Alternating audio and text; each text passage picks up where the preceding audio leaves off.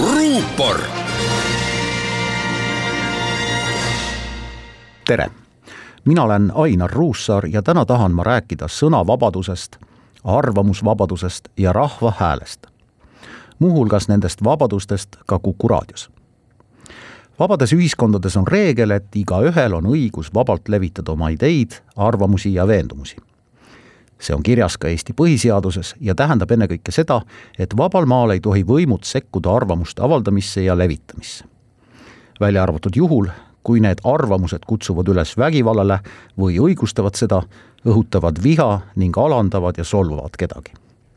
sõna ja arvamus on täna Eestis täiesti vabad lausetes on kõik lihtne, elus veidi keerulisem.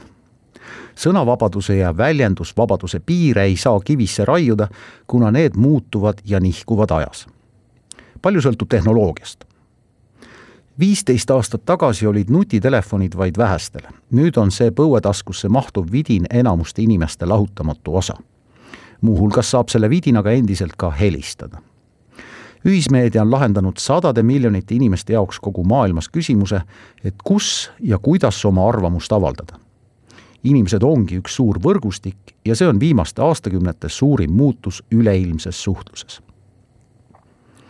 ilmselt oleks Muhamedi pilapiltide avaldamine Prantsuse satiiriajakirjas tuhande üheksasaja kaheksakümnendal aastal lõppenud väikese grupi moslemite rahumeelse protestiavaldusega mõnel Pariisi pulvaril kaks tuhat viisteist lõppes see aga islamiterroristide rünnakuga ajakirja Charlie Hebdo toimetusele, milles hukkus kaksteist ja sai vigastada üksteist inimest. kogu maailm arutles seejärel, kas nali ja pilapildid on sõnavabaduse lahutamatu osa või peaksid nende paljundajad järgima teatud reegleid. näiteks kehtestama enesetsensuuri Euroopas oli üha rohkem neid, kes väitsid, et sõnavabadus sõltub ühiskonnas valitsevatest meeleoludest, olukordadest ja ajas muutuvatest moraalireeglitest. Kuku raadios oli ligi kaks aastakümmet eetris rubriik, kus inimesed said otse-eetrisse helistades oma arvamust avaldada.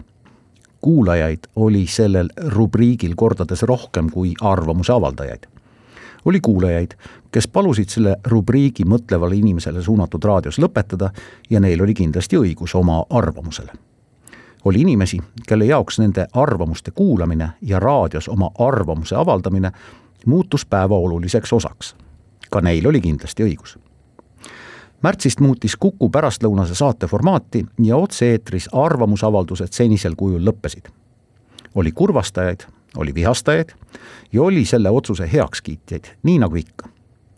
oleks liiga lihtne väita, et igavesi saateformaate pole olemas või et igal meediakanalil on õigus ja kohustus pakutavat sisu aeg-ajalt muuta.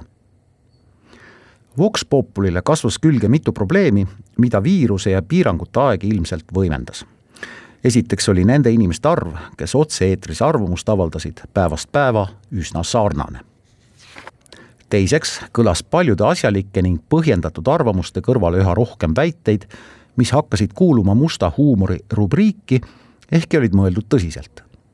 nii näiteks kõlas raadioeetris arvamusi, et kõik, kes ennast vaktsineerivad ja siis mõne elektriseadmega, näiteks elektripliidi või elektripardliga kokku puutuvad, need plahvatavad. jah, plahvatavad, lendavad õhku. ma võiksin tuua kümneid sarnaseid näiteid kolmandaks kasutasid Vaba Arvamusplatsi üsna tihti ära ilmselt parteide peakorteritest organiseeritud kõned, milles arvamused muutusid ühe poliitiku või erakonna kiidukõneks. Neljandaks oli märgata, et kolm eelpool nimetatud punkti hakkasid asjalikke arvamusi raadioeetrist eemale peletama. kuku saatepäevad on endiselt pungil arvamustest, kommentaaridest, selgitustest ja seletustest oskus ja südikus avaldada asjalikku arvamust on väärtus omaette, nagu ka oskus kuulata ja kaasa mõelda on väärtus omaette. ruupor